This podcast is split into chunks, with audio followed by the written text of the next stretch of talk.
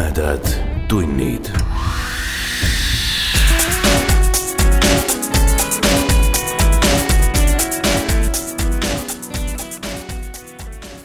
tere, head ulmesõbrad!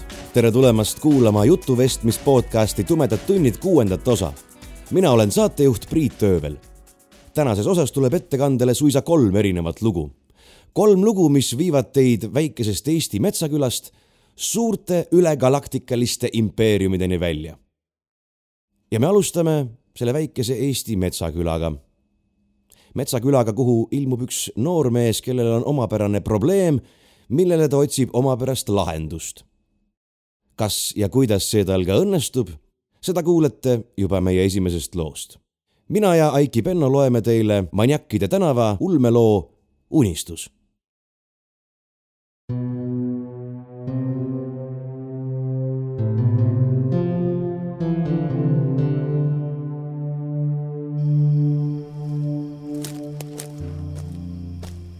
kinni köidetud inimene õla peal on mööda pehmet ja lögast võsa väga raske liikuda.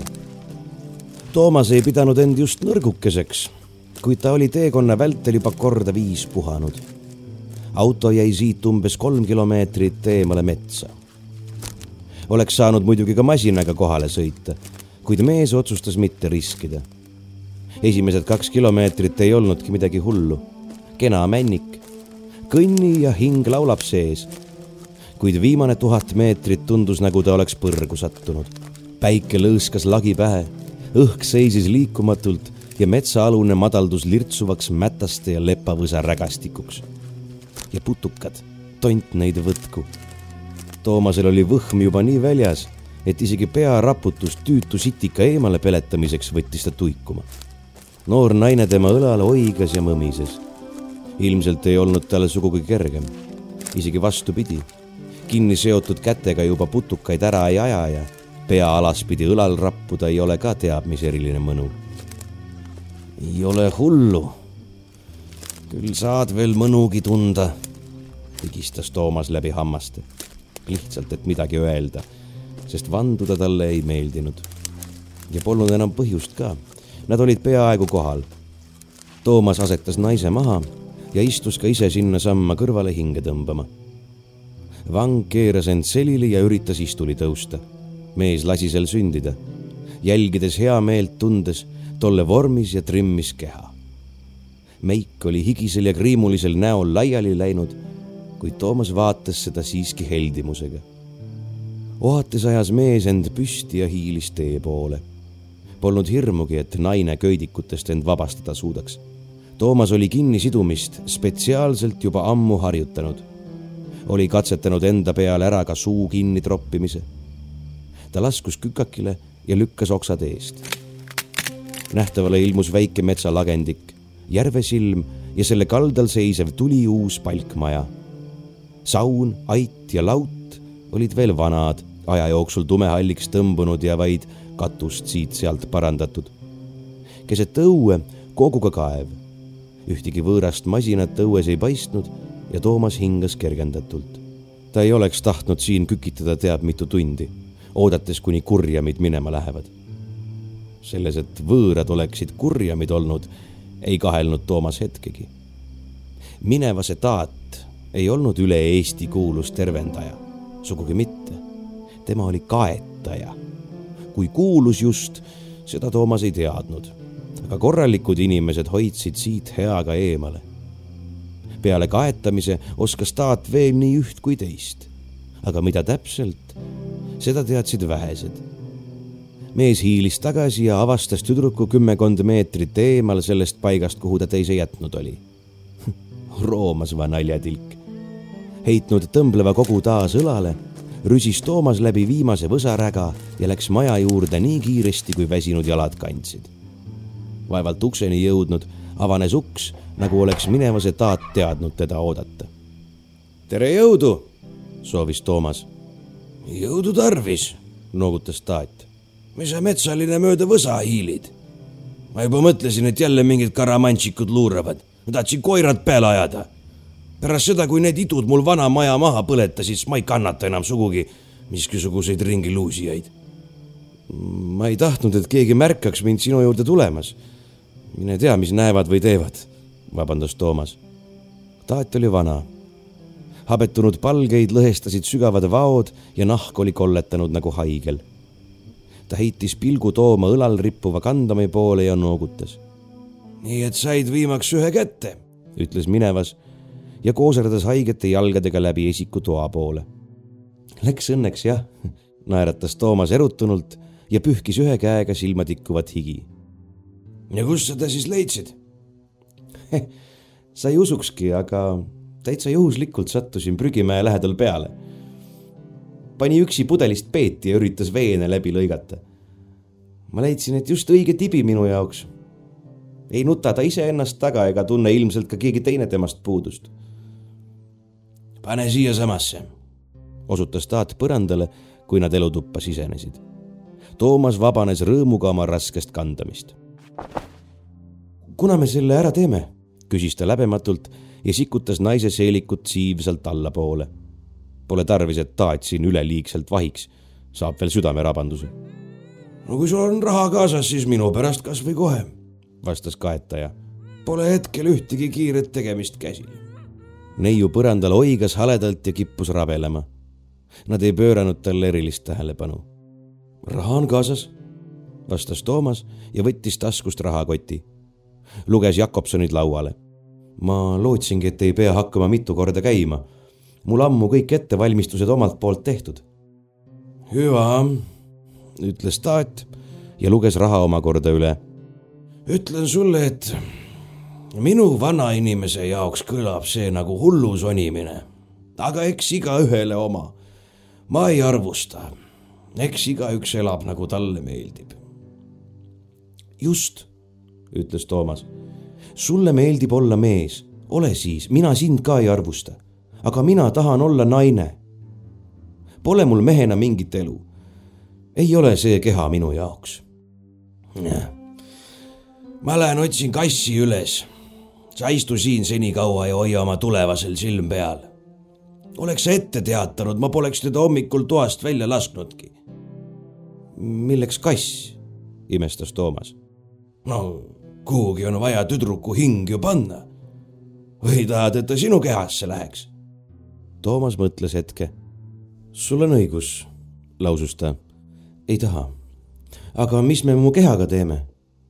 küll ma ta ära paigutan lubas Taat. ära sa selle tühja asja pärast muretse. Taat läks kissutades uksest välja. Toomase õnneks ei kulunud üle paari minuti, kui ta tagasi tuli. Noor erk süsimust kassipreili süles. nõid pani kassi maas lamava naise kõrvale põrandale ja silitas teda kergelt. kass tõmbas end kerra ja vajus silmapilk unne. viska nüüd sina ka ennast siia sirevile, viipas vanamees ja Toomas järgis tema nõuannet.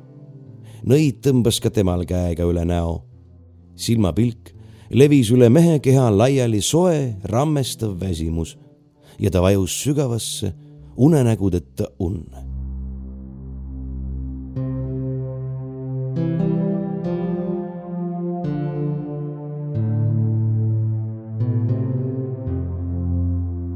kui Toomas silmad avas lõhkus ta pea kohutavalt valutada. ka kogu keha oli kange ja valutas. ta üritas hoiata, kuid tropp suu ees ei lasknud. Ilmselt oli see seal olnud kaua, sest ka lõuapärad olid ammuli hoidmisest juba krampis. ta avas suure vaevaga silmad ja nägi enda kohal seismas noort sportlikku meest. tal oli tunne, nagu vaadanuks ta peeglisse noormees harutas parasjagu lahti tema käsi köitvaid nööre. noh, kuidas uues kodus ka on? küsis mees reipa häälega. tead, sa oleksid võinud enne peldikus ära käia, siis ma oleks saanud sind rutem lahti harutada. ime, et ma veel püksi ei olnud lasknud, kui meele mõistusele tulin. ta tiris Toomasele suust ka rääkimist takistava tropi ning üritas siis teda püsti tõmmata. noh, neiukene, aja jalad alla, uus elu on alanud Toomas ajas end vaevaliselt püsti. kõik luud, kondid olid jõudnud köidikutes ära surra ja valutasid. kõige enam aga tegi piina pea. Keegi oleks talle nagu pihutäie naelu aiu tagunud ja need siis sinna unustanud. tule, tule, seletas noormees. toeta minu peale, kaunikene, viin su õue, värske õhu kätte, saad kergemini jalad alla. õues oli juba hämar, kuid ainult veidi jahedam kui päeval ja peavalu läks ainult veelgi hullemaks. pea valutab kohutavalt, pomises Toomas. Ma ei kujuta ette, palju see lipakas jooma pidi, et sellist pohmakat saada. no see ei ole probleem, lausus noormees reipalt. kui ma ka muidu tervendamisega ei tegele, siis pohmelusest saan ikka jagu. ja siis tundis Toomas mõtlemist segavast valust hoolimata noormehe ära. see oli ta ise. minevase taat oli tema kehasse pugenud. jahmatusest ei saanud ta sõna suust. Nõid aga astus selle aja peale lähemale ja tõmbas tal mõlema käega üle kukla seejärel nagu tardus korra, midagi oodates. tõmbas veel paar korda, siis ka üle oimude. valu ei kadunud kuhugi. nõid astus mõne sammu võrra tagasi, kibrutas kulme ja istus aeglaselt trepile. tead, poiss, lausus ta, see sinu tüdruk oli sellepärast nii purjus, et tal on ajus vähk.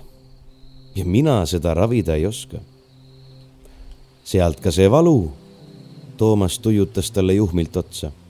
ja ega tohtritki vist oska sellega miskit ette võtta. muidu poleks ta seal võsas end nüsinud. kui sa just mõne hea ravitseja juurde ei saa, siis. Läks sul ikka veidi nihu see värk? ta raputas pead. Ma mõtlesin, et sa ikka valisid ka enne, kui siia tormasid. aga sa võtsid vist esimese ette juhtuva. ta ei näinud selline välja, et teda eriti keegi taga nutma või otsima hakkaks. pobises Toomas. ja ma ei ole mingi elukutseline inimröövija, mul oli hea meel, et üldse kellegi kätte sain. noormees trepil noogutas. tegijal juhtub mõndagi. aga teab nüüd, palju sulle neid elupäevigi on veel antud. mis hullusti, see uuesti, sõnas Toomas. anna mulle mu keha tagasi, ma otsin uue. noormees vaatas talle vaikides otsa ja ei liigutanud ennast Toomasel hakkas kõhe. ma võin selle kehavahetuse eest lisaks maksta, sõnas ta. mul jäi veel raha. ta valetas ja teadis, et ka nõid teadis seda. ta oli sedagi raha, mis praeguse vahetuse eest läks neli aastat kokku ajanud. ma ei ole mingi konveiermasin, mul on vaja ka puhata. Ega hingede liigutamine pole sul nina nokkimine, seda esiteks. ja teiseks, mis hundi suus, see hundi kõhus too mulle keha ja ma vahetan. see, mis minu käes on, jäta rahule. oma vana ma läkitasin juba näkkidele rõõmuks. seda teiseks. veel miskit. Toomasel lõi silme eest mustaks. ja seda mitte peavalust. ta tuikus ähvardavalt minevase poole. Kas on ikka mõtet rusikatega vehklema hakata? mis sa arvad, kumb meist tugevam on? küsis nõid. Toomas seisatas kõhklevalt oled sa ikka mees? sülitas ta siis nõia poole salvavalt. ma ei imesta, et sul maja pea kohal põlema pandi. nõid muigas. ära peruta, tüdruk. minu kaela süüd veeretada ei maksa. mina tegin oma töö täpi pealt nii ära, nagu tahtsid. See, et tüdruk vigane oli, on juba su enese süü, sõnas ta. sinu murest saan ma ka aru. ega ma kivi põle, ikka inimene. otsin ise sulle uue keha, kui tahad, oma teid pidi korralikku ja ei taha sult ka raha uue kehavahetuse eest, mida sa küllap enne surma kokku ei saakski. ja vastu ei tahagi midagi? no, ega ma jõulutaat ole, ikka tahan. oma tasu ma võtaks Naturas. Elad siin, aitad mind töödes ja lõbustad voodis. kahe aasta pärast oled vaba. Toomas võitles peavaluga ja püüdis mõelda. kumbki ei tahtnud hästi õnnestuda kuna ma uue keha saan? ma teen oma parima. ega mullegi sinust sellisena kasu pole. Toomas ei pannud tähelegi, kuidas pisarad voolasid üle ta näo. mis tal teha? ilma minevaseta oleks tal nii või naa varsti ots peal. Olgu peale, nõustus noor naine. tubli tüdruk, noogutas minevas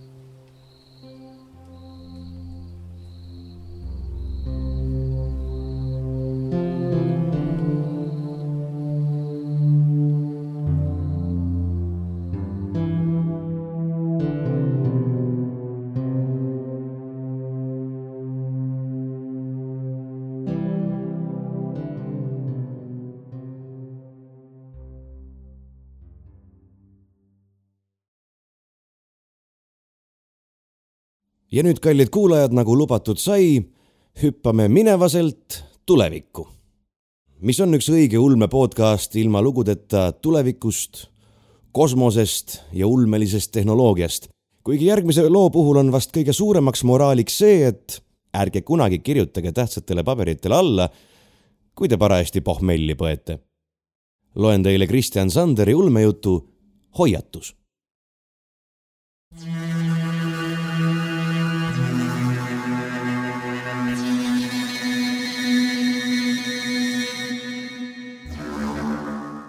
oleks ma seda ette teadnud, ma poleks selle peale läinud. ausõna ei oleks. kui ma Alfa Luige juures pudru sisse sõitsin, olin täitsa kuival. mul jäi sinna poole milli eest sodi, mis pärast orbitaaljaama laiali lendamist tosinale minusugusele tööd andis.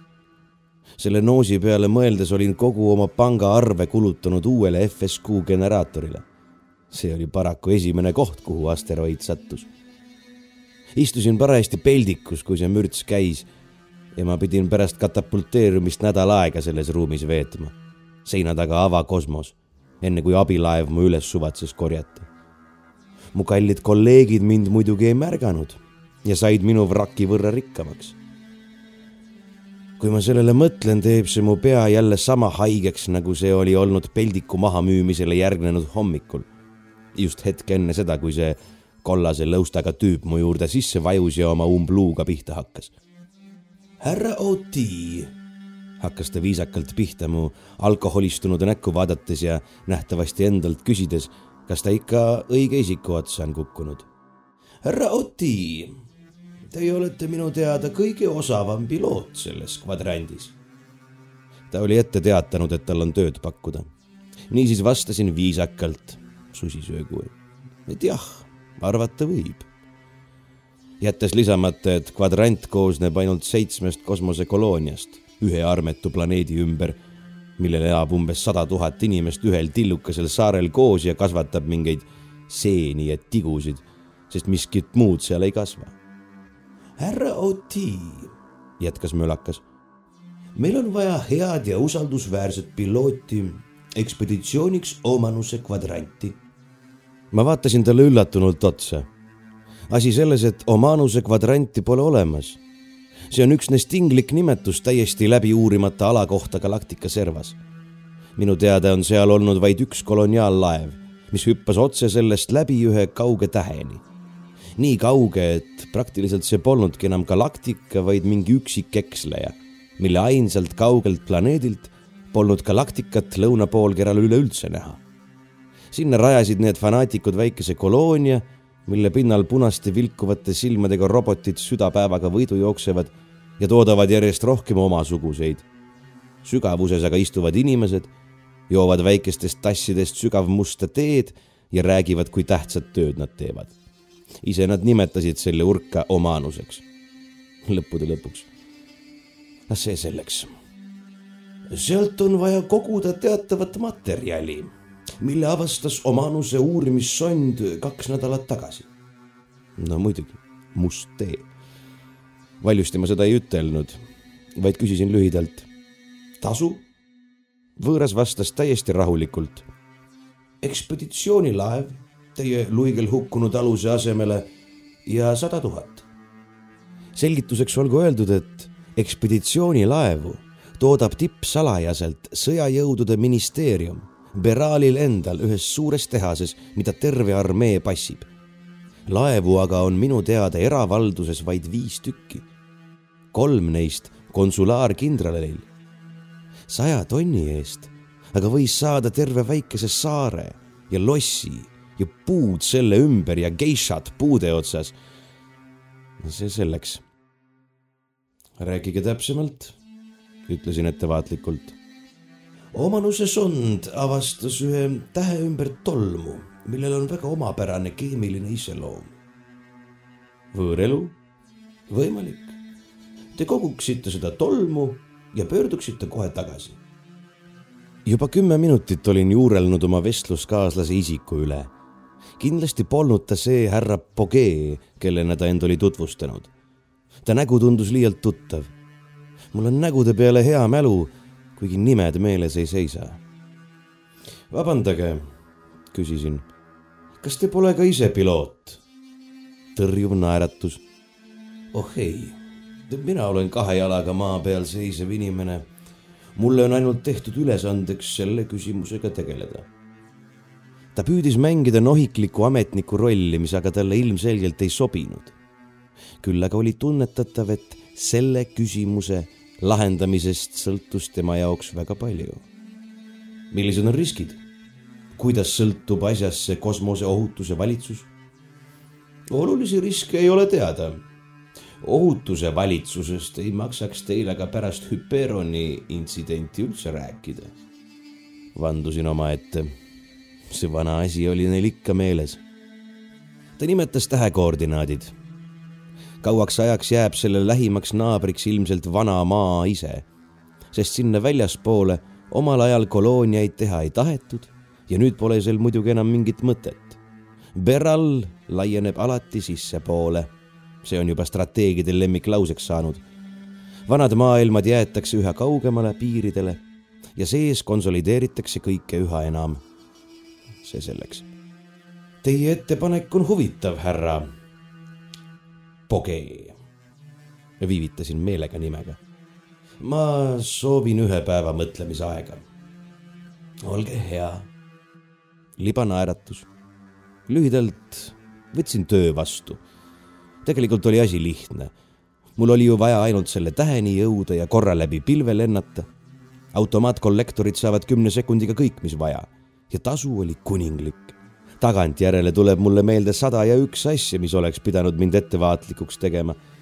kuid sellel segasel hommikul ei huvitanud mind miski peale uue laeva.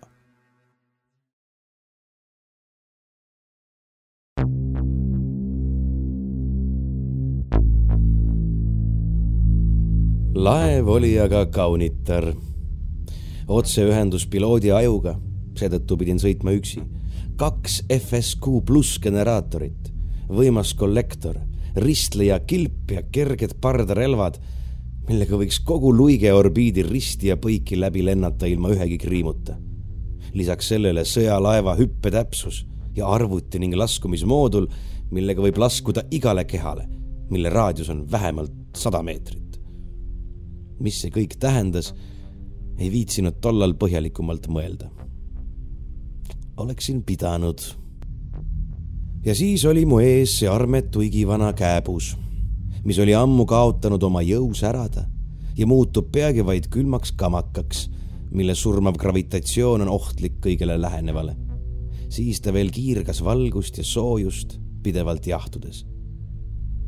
kääbust ümbritses ülihõre vöö mingit tolmu ja sellest meeletult kaugel ringles üksik planeet, ilmselt atmosfääriga, mis oli tekkinud Nova plahvatuses sisenesin tolmuvöösse. see oli nii hõre, et pidin seal viibima vähemalt viis minutit, et kollektor proovi võetud saaks. võtsin valmis pandud õlle ja vaatasin, kuidas asteroid kilpides sähvatades lagunes. minuti pärast näis tolm tihedamaks muutuvat. lülitasin biodetektori sisse. mingit süsinikul põhinevat elu see muidugi ei leidnud, küll aga nõrka elektromagnetkiirgust mida pidas võimalikuks märgiks primitiivsest elust. täht summutas muidugi suurema osa sagedusribast kohe ära, küll aga oli tolm tihedamaks muutunud. ruum sähvatas valgeks, asteroid pihustus kilpides. võtsin lonksu õlut ja see purskas mu suust ja ninast põrandale. klaas kukkus samasse kildudeks mu mälus ergastusid nähtud keha piirjooned ja langesid täpselt kokku pilk arvutiekraanile kinnitas oletust. selle asteroidi olin juba hävitanud. pilv oli palju tihedam. biodetektori graafikujoon tegi järsu hüppe. kuradile see ekspeditsioon, minema siit. käsk blokeeriti. ma polnud ajusidega harjunud ja olin selle andnud liiga ruttu või kõvasti või tont teab kuidas. kordasin käsku roheline tuli näitas, et see on vastu võetud sajandik sekundi võrra liiga hilja.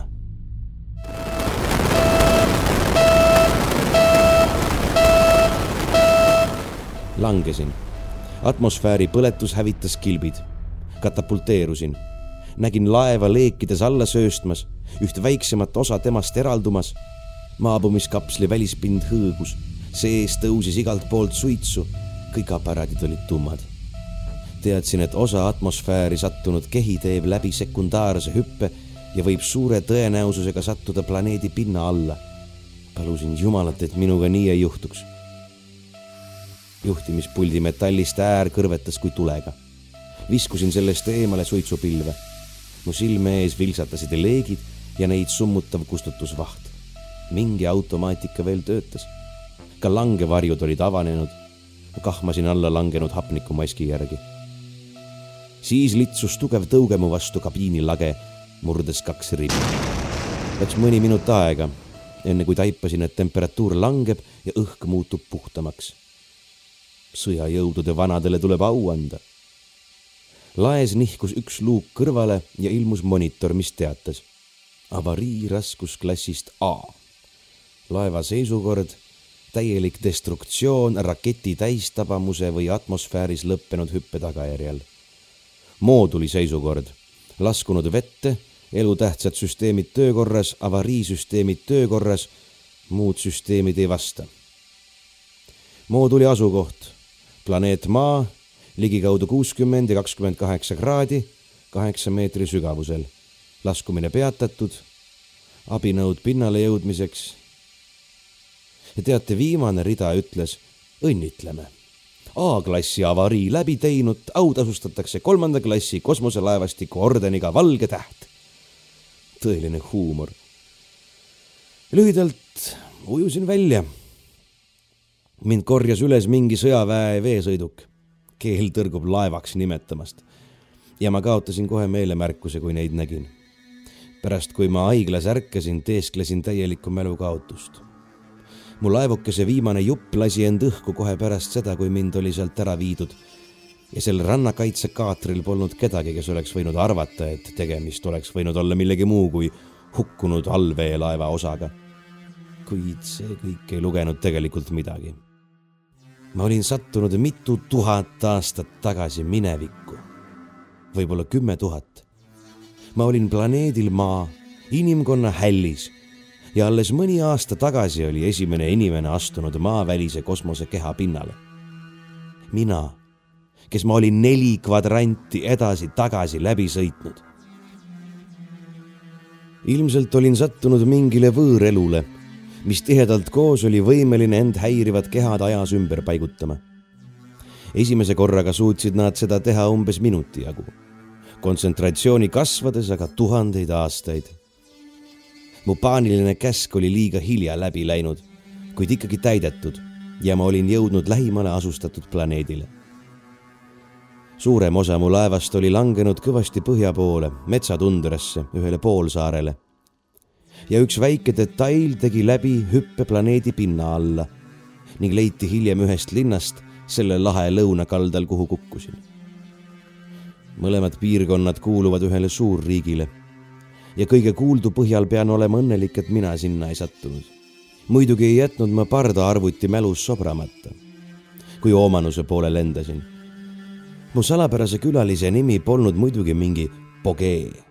tegemist oli hoopis kindralmajor N A Akeriga, piloodi ja katselenduriga Berali kindralstaabist. arvutis olevate andmete põhjal oli ta varem kahel korral isiklikult täide viinud missiooni, millega ta eelkäijad polnud hakkama saanud. kolm on kohtuseadus. olen kuulnud ühest samalaadsest katastroofist tuhande üheksasaja neljakümne üheksandal aastal planeedi lääne poolkeral ühe teise suurriigi territooriumil. ilmselt on ta juba surnud ja mul pole võimalust teda pimedal tänaval kohata. kahju. kuid piirdugu see temaga. Ma teen sellest loost miljon koopiat ja levitan need üle maa. võib-olla mõne koopia, koopia, koopia jõuab minu aega kümne tuhande aasta pärast inimesed minu ajast. Berali kodanikud aastal kuussada seitsekümmend üks Berali tõusust. hoidke eemale Omanuse kvadrandis asuvast üksikust kääbusest, mille koordinaadid ma lisan. või veel parem, hävitagu laevastik tuumalöögiga see pesa, mis võib oma arengul ohustada kogu kosmost. kuulge hoiatust. annaks Jumal, nagu öeldakse praegu maal, annaks vaid Jumal.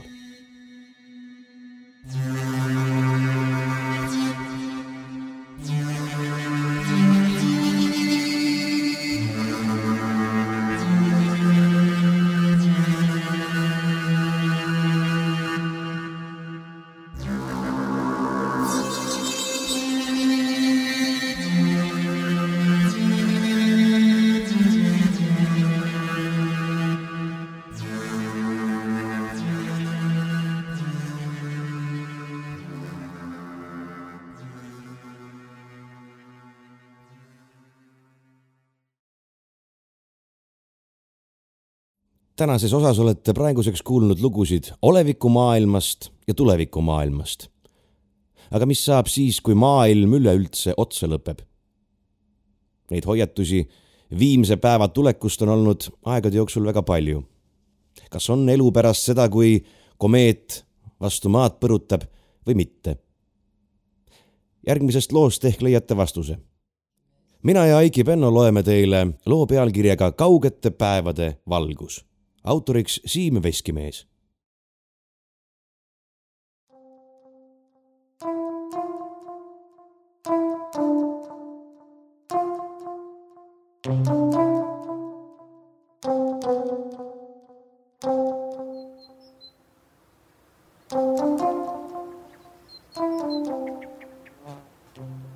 kas sa tead, et tegelikult algas elu räni baasil kuid süsiniku palju paindlikumad ja kiiremad eluvormid sõid need lihtsalt ära. Artur oli heleda nahaga, ennast täis, prillidega ja väga purjus. noor daam, kellele ta seda seletada püüdis, naeratas meelet blondiini naeratust ja ilmselt oleks võinud Artur oma mulje avaldamist ka hiina keeles läbi viia. süsiniku elu, esimesed ainuraksed sõid räni elu sama palju kui sina praegu ränikive tõenäoliselt hävitasid räni elu süsiniku elujäägid ehk me sittusime ränivennad surnuks. Stefan oli palju tagasihoidlikum igas mõttes. ta oli lühem, mitte nii kahvatu, ei kandnud prille ja tal ei olnud vaja härgamisega tegeleda, sest tal oli pere olemas, naisuke istus sealsamas ta kõrval. eks nad olid juba üle kolmekümne kah olgu see, kas me viisime nende peal läbi oraalse või anaalse genotsiidi, on kahtlemata filosoofiliselt huvitav, kuid mitte peamine küsimus. Reni elu lakkas olemast. me hävitasime selle. nüüd me, meie, mina ja Stef, loome selle taas. ta tõstis klaasi esimeste soojade ilmade, grillihooaja piduliku alguse ja kivide elustamise auks. aamen, ütles Stefan toostiga ühinedes. Te räägite nüüd juba ränielu loomisest? elustus nüüd Stefani abikaasa. kas see ohtlik ei ole? ta oli meestega samaealine, armsalt pereemalikus vormis, lühikeste tumedate juustega ja eluga rahul. Pirks ma võin sulle täie vastutustundega kinnitada, et on küll. Reni elul on palju suurem potentsiaal kui süsiniku elul. meil on pärilikkuse edasikandmiseks biheeliks ja see on ütlemata õrn. kas keedu munast tuleb tibu? ei tule. Räni pärilikkust kannab pentaheeliks. see on tegelikult polümiseerunud kivi ja see kannatab vähemalt keetmist lõpmatuseni kuigi igavik on mõttetu mõiste. nii et see on ohtlik? tegi ka Arturi äraräägitav blondiin suu lahti. Clara, me loome praegu ainurakseid. Räni elu muutub meile ohtlikuks umbes täpselt kuue miljardi aasta pärast. süsiniku elul kulus neli miljardit, et, et ainuraksest areneda selle imelise olendini kes suudab vaadata kuus tundi päevas kommertstelevisiooni ja armastada kummsuguliikme otsas. Reni elul peaks võrreldava tulemuseni jõudmiseks natuke kauem minema. Te mängite jumalaid, loote elu. Klaara vangutas pead. kas sa räägid jumalast kui abstraktsest loodusjõudude superpositsioonist või kui kollektiivse isakompleksi manifestatsioonist? tahtis Stefan teada Pirks pani talle käe vaigistavalt põlvele. ehk lihtsamalt, miks te seda teete? sest me suudame seda, teatas Artur uhkelt. sest me saime selle peale grandi, teatas Stefan vabandava muigega. kuid ükski uurimine ei alga ju tühjalt kohalt. kuidas teie esimesed olite? tahtis Clara teada. nüüd ma tunnen sinus ajakirjanikku ära, naeratas Pirks. su artikkel Viimse päeva fanaatikutest oli ju päris hea. Ju ta proovis mestlust millegi inimliku peale suunata, kuid sellest ei tulnud midagi viimse päeva fanaatikud tõstavad pead sellepärast, et viimne päev on tulemas. kui Thori haamer lööb, pole mingit edasit. Pole tulevikku, pole üldse mitte midagi. me ei tea, kas komeet tabab maad või läheb napilt mööda. nii et minu arust on teatud viimse päeva meeleolu õigustatud, kehitas Stefan õlgu. Astronoomid on ametlikult kuulutanud, et komeedi tabamise tõenäosus on viis protsenti, mühatas Artur minu tuttav Tõraverest ütles, et valitsuse survel on ametlikust prognoosist üks null maha kraabitud. ma loodan vaid, et suudan oma töö enne lõpetada, kui me kõik kuumaks tolmuks muutume. ta tõstis klaasi toostiks. ja nüüd öelge, kas see on kah komeedi mõju, et meil juba aprillis kakskümmend kraadi sooja on? Kell kaheksa õhtul, paras meile vöötmes. Birks proovis teistpidi. kuulge kui ränielul on biheeliks asemel pentaheeliks, siis kas ränilastel on viis sugu? kahehäälne räme naerulagin. siis vaatasid mehed pisut tõsinedes teineteisele otsa. see ei ole mitte täiesti võimatu, pilgutas Artur silma. kuigi me ise ei ole selle peale tulnud hm.. Arvatavasti leiab loodus mingi lihtsama viisi sest vaadates kas või seda, kuidas te omavahel kaklete, ei ole viie olendi korraga sõbralikult voodisse saamine just väga suure tõenäosusega üritus.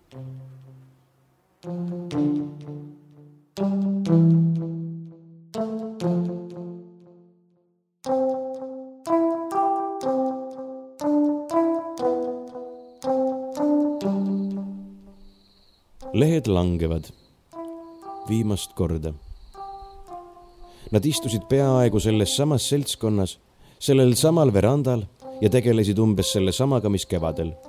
jõid veini ja grillisid. ainult, et nüüd magasid sealsamas tekkidesse mähitult ka kaks Stefani ja Birksi last. Artur oli kaine. ta tõusis ja hakkas korraga deklameerima. So we'll go no more a rowing, so late into the night. Though the heart be still as loving and the moon be still as bright. For the sword outwears the sheath, and the soul wears out the breast, and the heart must pause to breathe, and love itself have rest. Though the night was made for loving, and the day returns too soon, yet we'll go no more a roving by the light of the moon. Lord Byron, noogutas Clara seda on vähemalt kaks korda eesti keelde tõlgitud. aga ma ise eelistan ka originaali. ta ei olnud enam see mõttetu blondiin. ilma värvita olid ta juuksed küll heledad, kuid pigem kuldsed. ja veel olulisem oli tema olek. ilma meigi ja vöölaiuse seelikuta oli ta lihtsalt üks kena noor naine kui nüüd kuu gravitatsioon. seda kuu gravitatsiooni juttu räägitakse sellepärast, et mitte lasta tekkida täielikku lootusetust ja paanikat. Stefan silitas magavate laste päid. valida on, kas palveid lugedes keldris kükitada või teatud väärikust ilmutada, nagu meie siin. Artur, kes ikka veel seisis, oleks nagu õhust tühjaks jooksnud. mis sa neile andsid, et nad niimoodi magama jäid? küsis ta tõelise huvita.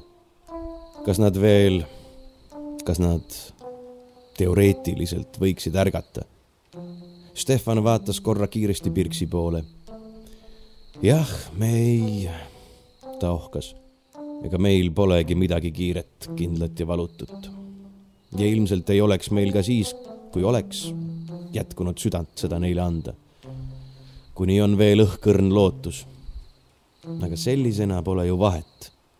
ilmselt on sul õigus. Artur istus tagasi Clara juurde ja võttis tal ümbert kinni. naljakas, et poes oli kõike müüjad olid peaaegu kõik lahkunud ja ega keegi raha ei tahtnud. aga mingit erilist paanikat ei olnud, ütles Birks hajameelselt. linnast välja viivad teed on muidugi umbes ja mingid tulekahjud on ka. ta vaatas ringi. kuritegevus. keegi ikka arvab, et vanad arved tuleb tasa teha või südametaam vägistada. ta pööras pilgu grillile tagasi. neetud. muidugi on hea surra täis kõhuga, aga meie lähme ülesöönud tundega. Siis puhkes ta pisut hüsteeriliselt naerma. vähemalt on teil lootust, et teie lapsukesed selle üle elavad, ütles ta meestele jah, noogutas Stefan ja haaras teemast kinni. keegi ei hoolinud enam viimastel kuudel, me saime nii palju arvutusvõimsust, kui tahtsime ja suutsime kõik tööd lõpetada. seal kaevanduskäikudes on paljunemisvõimeline koloonia.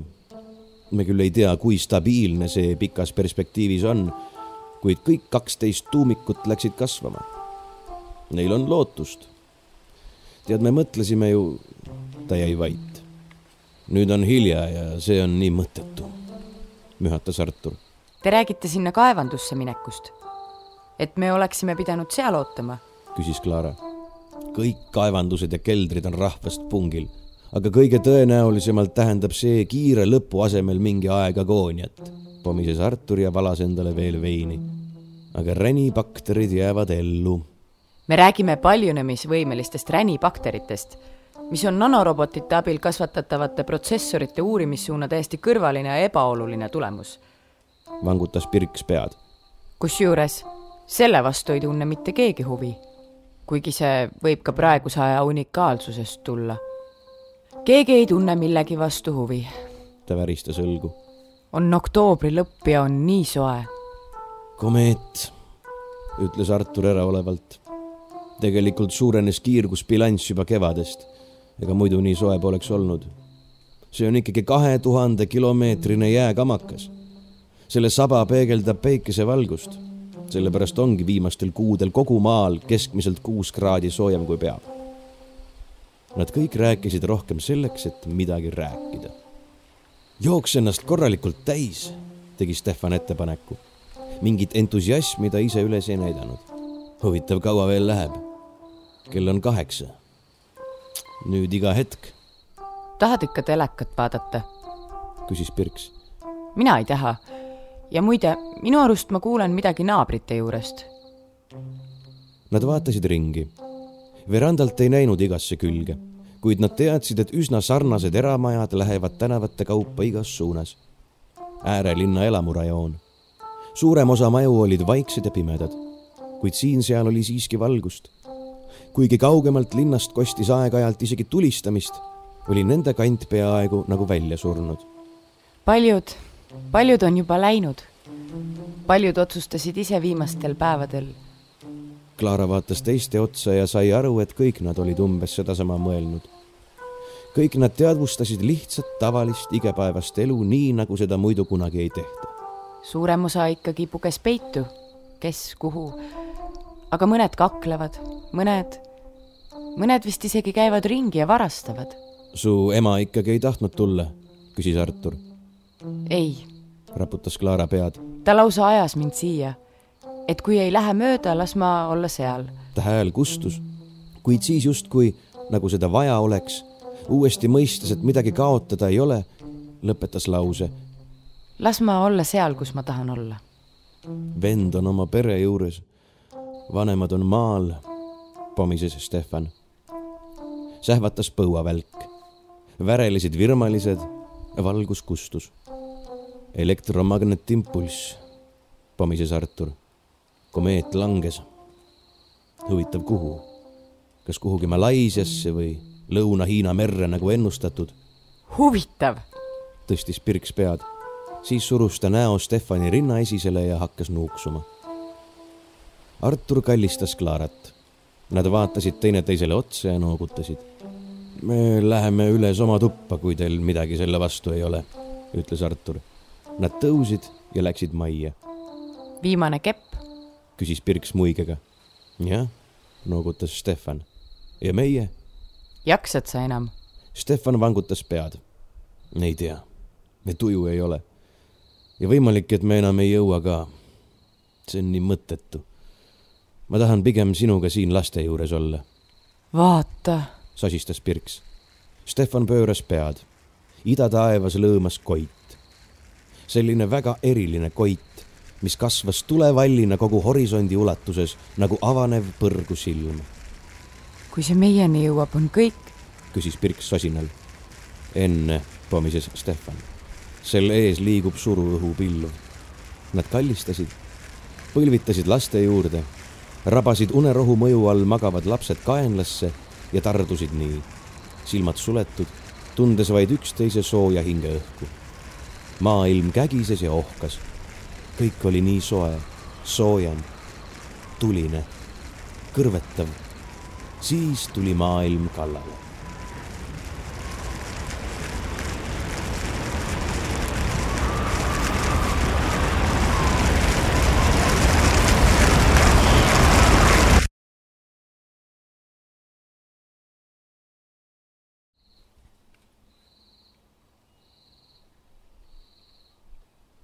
Stefan ja Pirks vaatasid teineteisele otsa. öö oli rahulik. võimalik, et liiga rahulik. Nad vaatasid ringi. tänavalaternad olid uuesti süttinud. virmalised olid kadunud. nagu ennegi, vilkusid harvade pilvede vahelt üksikud heledamad tähed. tuuleke sahistas puude kolletanud, kuid ikka veel küljes püsivates lehtedes ja tegelikult oli ainus hääl, nii palju kui seda läbi seinte kuulda oli see hell oigamine, mida Clara ülakorrusel kuuldavale tõi mm,. mis see siis nüüd on? Stefan tõusis kiiresti ja vaatas ringi. tulevall oli kadunud. ta kummardas. lapsed magasid endiselt, hingates ühtlaselt. Nad vaatasid uuesti teineteisele otsa. noh, kaks neid võimalusi on, kehitas Stefan lõpuks õlgu. kas me oleme surnud ja mingis veidras järelelus või päästis meid mingi ürgvõimas tulnukate rass. kolmas võimalus on, et me elame mingis virtuaalreaalsuses, arvas Pirks, vaadates vastu valgust oma käsi. ta katsus ka pead ja näperdas oma riideid. või oleme kogu aeg virtuaalis elanud. miski läks programmiga viltu ja keegi vajutas reset'i, nullimata meie mälu. ta raputas pead.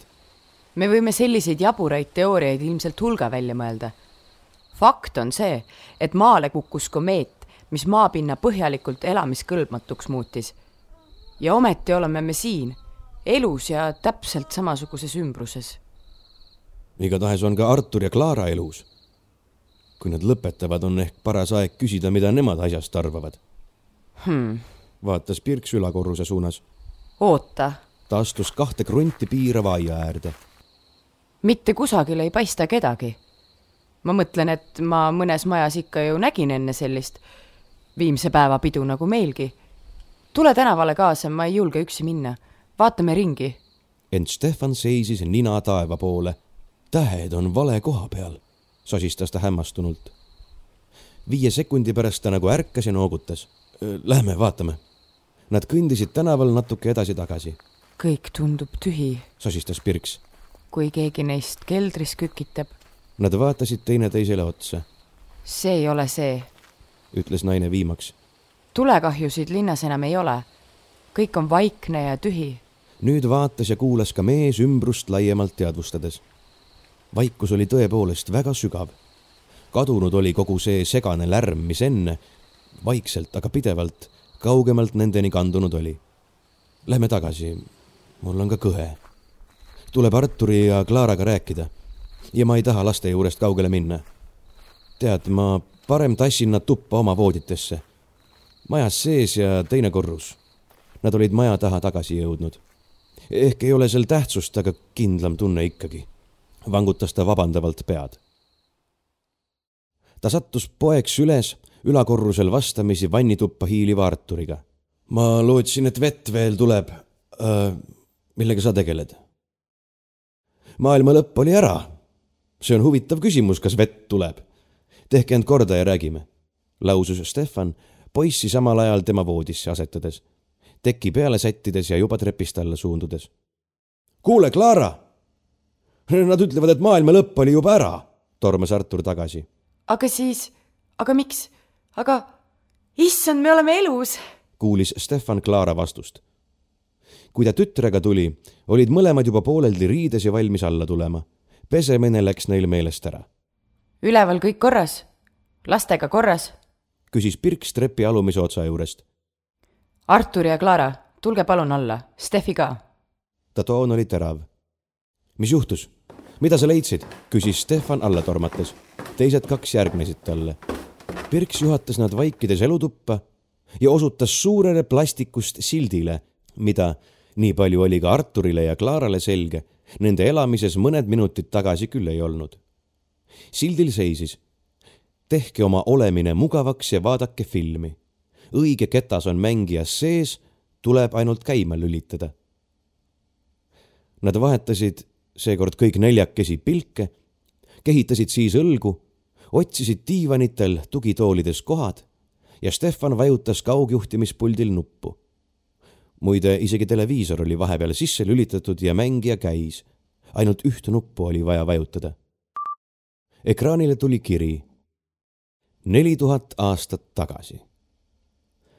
kohati sädeleva rohelise tasandiku kohal lendasid linnud. Nende sihiks oli kummaline pitsi meenutav torn. Nende lend kestis mõnikümmend sekundit siis sirutasid nad jalad välja ja laskusid tornirõdule, nii sadakond meetrit maapinnast.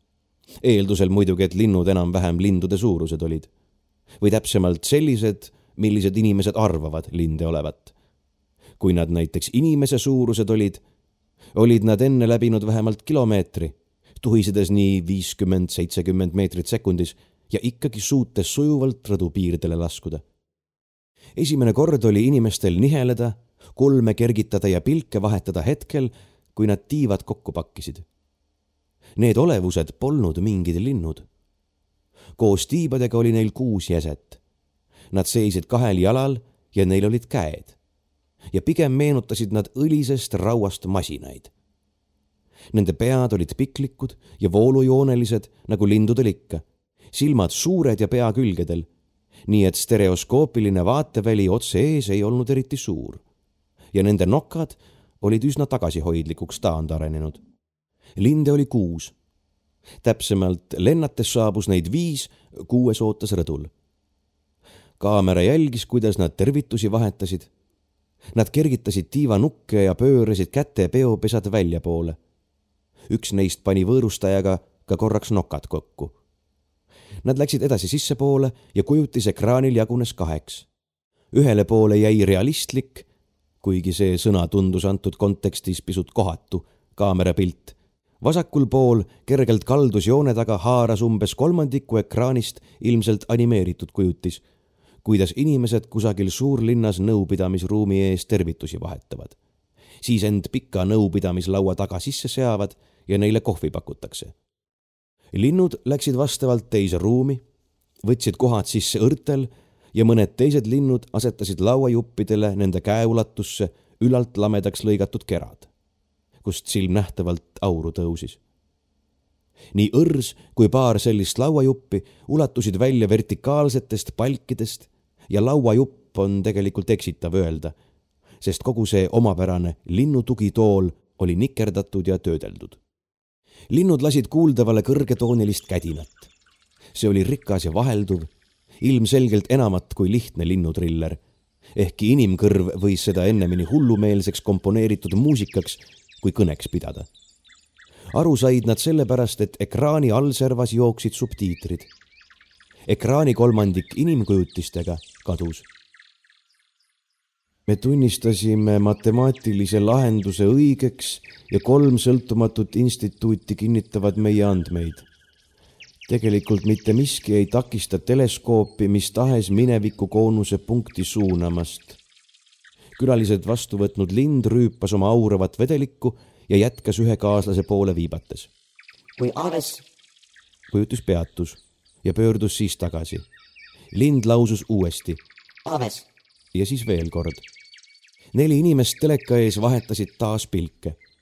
nii selgelt oli ju film neile suunatud kõrgetooniline sädin oli muidugi äärmiselt kaugel inimkeelsest avesist, kuid kui üldse kunagi mingit vastet peaks otsima, tuli tunnistada, et ega midagi paremat välja küll ei mõtle.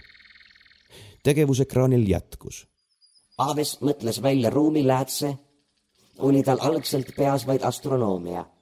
me oleme kosmoses lennanud ju vaid sadakond aastat ja on selge, et me ei suuda orbiidile tõsta mingigi arvestava suurusega peeglit.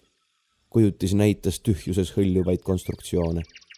Isegi ülikergest materjalist sisuliselt kilepeeglid ei lahendanud probleemi. selgitas Sädin koos subtiitritega ekraanil toimuvat. teleskoopide peeglid paisusid küll mitmesajameetristeks kuid täpsus läks neil paratamatult nii viletsaks, et tegelikult ei andnud nad paremat kujutist kui maapinnal paiknevad umbes kümnemeetrised. pisut parema tulemuse andsid õhkläätsed, ent arvestades, et optiline peatelg venis tuhandete kilomeetrite pikkuseks, muutus seadmete praktiline kasutamine ülimalt ebamugavaks. nii mõeldigi välja ruumiläätsed.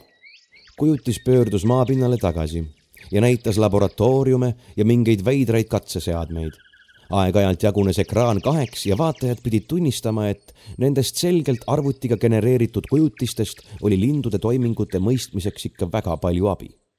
Ruumilääts ei ole oma olemuselt mingi lääts. see ei ole tegelikult üldse optiline seade selle sõna klassikalises tähenduses. kuigi ruumilääts toimib esmapilgul nagu teleskoop. selle abil on võimalik vaadelda objekte, mis muidu nähtavad ei oleks ei ole siin tegemist signaali koondamise või võimendamisega, vaid kvanttasemel peidetud informatsiooni tagasiarvutamisega interaktsiooni lähtekohta. ehk siis peitub seadme tööprintsiip väga sügaval aegruumi olemuses. vaadake, õige varsti avastati, et ruumiläätse saab fokusseerida objektide sisse. alguses kasutati seda muidugi planeetide sisemuse uurimiseks, aga õige varsti taipas julgeolek, et nii saab jälgida näiteks terroriste kaamera pöördus ruumi tagasi ja sõna sai kellaosuti liikumise suunas järgmine õrrel kükitav lind, keda enne oli Avesina esitletud. võite ise ette kujutada, kuidas see meie elu muutis. Kõik meie hulgast teadsid korraga, et nad on igal hetkel jälgitavad. muidugi, alguses olid need seadmed salajased, siis illegaalsed ja siis lihtsalt kallid kuid lõpuks oli sisuliselt igalühel võimalik muretseda umbes kuupalga maksev seade, millega maa piires ükskõik mida jälgida. hädad algavad aga sellest, millest me täna alustasime. teoreetiliselt mitte miski ei takista ka minevikku jälgimast. ekraan sulas valgusesse. siis tekkis sellele kiri tuhat aastat tagasi. üle sädeleva tasandiku lendasid linnud. viis tuli neid ja kuues ootas rõdul see, kes enne oli oma noka ootajaga kokku pannud, hakkas rääkima otse kaamerasse vaadates. eelmine kohtumine oli müstifikatsioon. see leidis tõepoolest aset, kuid me rääkisime seal teisiti ja teistest asjadest. ega ruumiläätsed kuhugi kadunud ei ole. Me saaksime ju praegugi vaadelda seda kohtumist nii, nagu me saame vaadelda ükskõik mis sündmust minevikus. Nad kõndisid nõupidamiste ruumi ja võtsid sisse oma kohad õrtel. see paistis neile nalja tegevat abikujutisel katsusid inimesed imestades oma toole ja nõupidamiste lauda. jah, ma lasin selle kõik taastada nii, nagu see kunagi oli, teatas peremees. jutujärje sai üks seni vaikinud tegelastest. Kui ruumilääts mingile sündmusele fokusseerida, saame me sellest sündmusest täieliku ülevaate. siin tuleb natuke mõelda mõningate näiliste paradokside üle. esimene on nõndanimetatud nähtamatu inimese sündroom kui inimene on täiesti nähtamatu, siis peaks ta olema ka pime, sest ta silmavõrkest ei püüa ju valgust. teine on ideaalse vaatleja dilemma. vaatleja mõjutab paratamatult vaadeldavat nähtust, sest vaatlemine kui protsess nõuab tavaettekujutlustes protsessi mingilgi viisil sekkumist. siin paraku tuleb natuke lõhkuda isegi nende inimeste ettekujutuste maailmast, kes teavad midagi kvantfüüsikast ja praanide teooriast teatud laiema multiversumi tähenduses on aeg illusioon. see on seotud ainult entroopia suunaga ja meie aegruum on üles ehitatud nii, et teatud protsessid suhtlevad entroopia seisukohast parima, see tähendab lubatud tulemuse saavutamise huvides tulevikuga. ma ei hakka praegu teid teooriaga vaevama, kuid tulemuseks on, et mineviku sündmust on võimalik olevikus energiat raisates täiesti täpselt üles ehitada ta rüüpas auravat jooki ja jätkas. tänased ruumiläätsed erinevad esimestest mudelitest muidugi umbes sama palju kui arvelaud arvutist. aga hüpates üle tohutust hulgast vahepealsetest sammudest. ekraanile tekkis mõneks sekundiks kiri. Teisel DVD kettal on hulk täiendavaid materjale.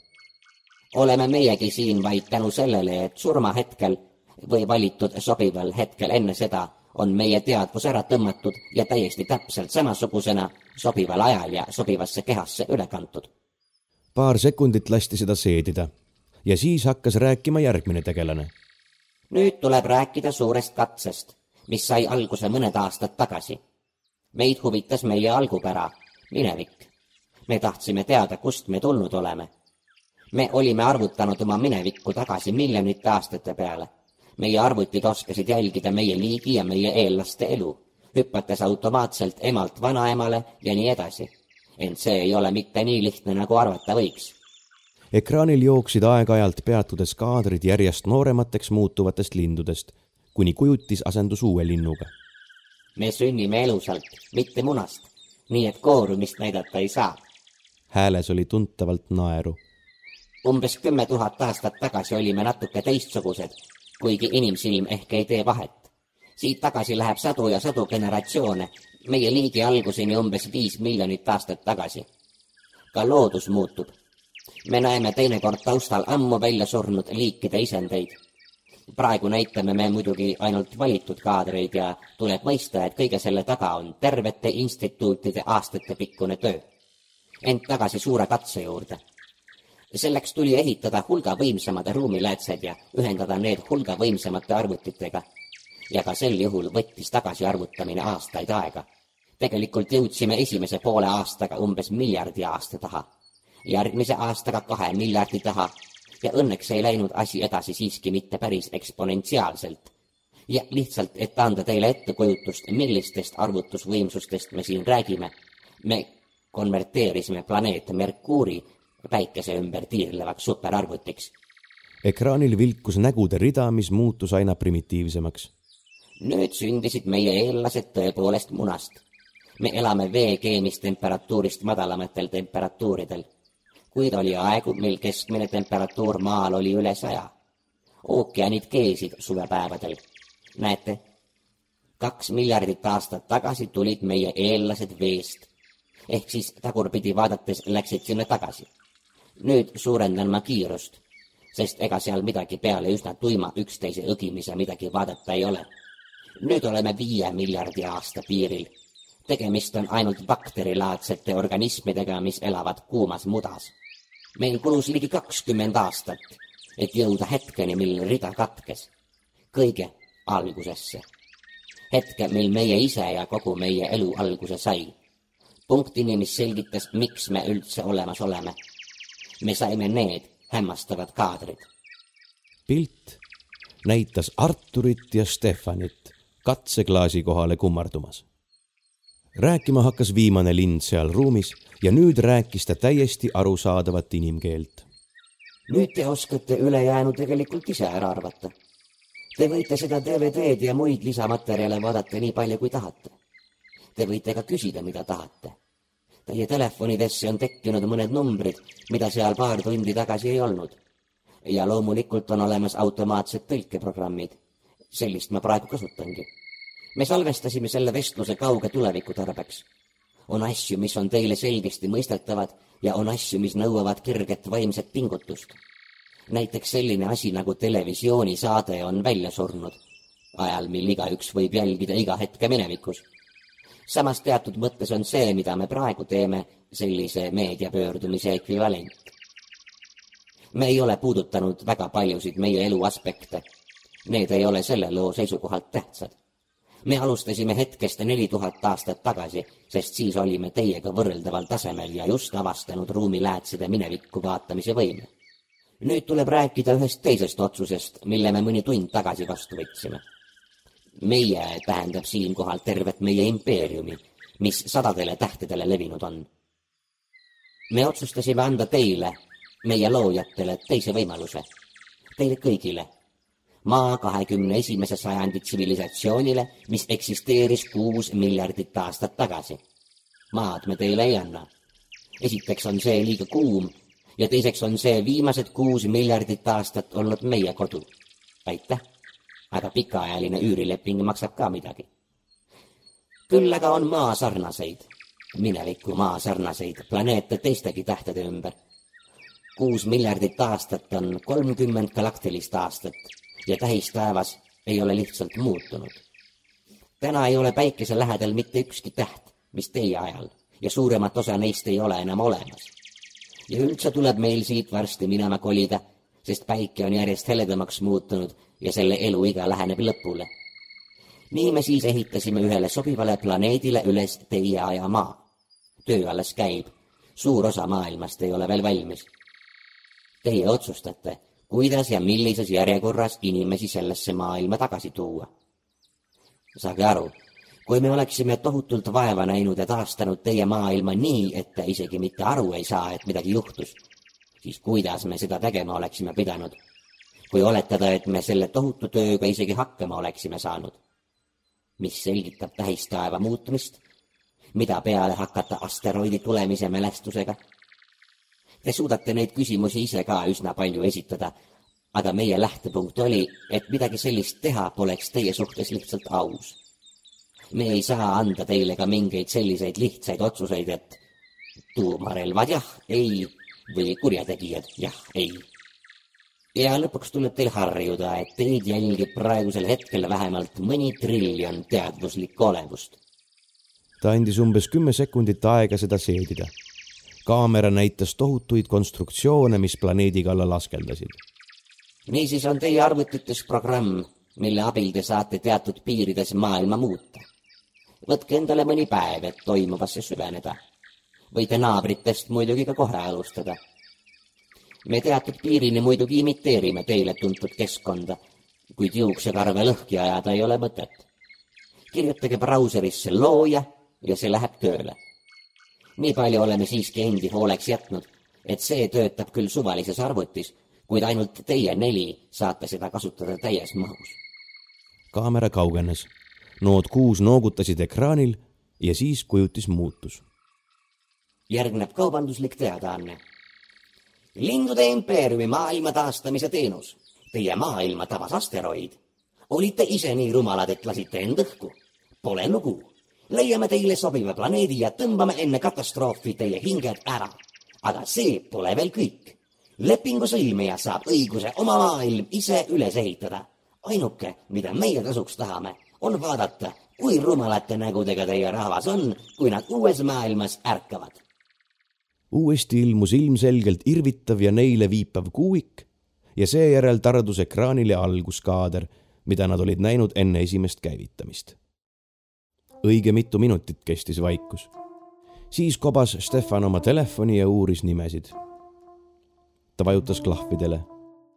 aa, tere. oled sa Aves või mõni teine neist? olgu. kuule, ma saan aru, et te olete ise sisuliselt surematud.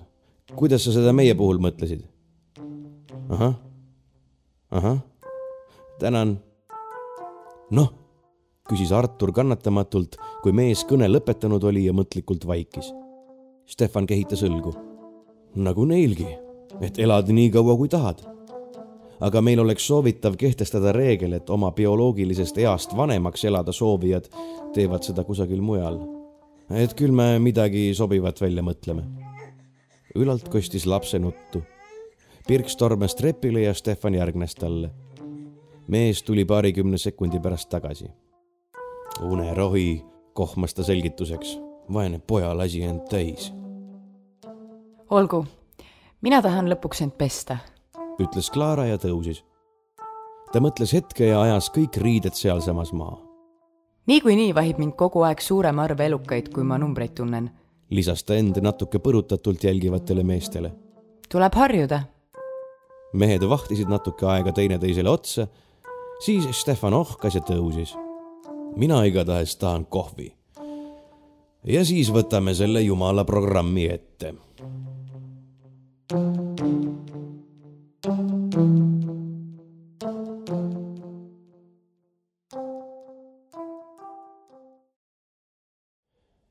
nii palju siis tänaseks.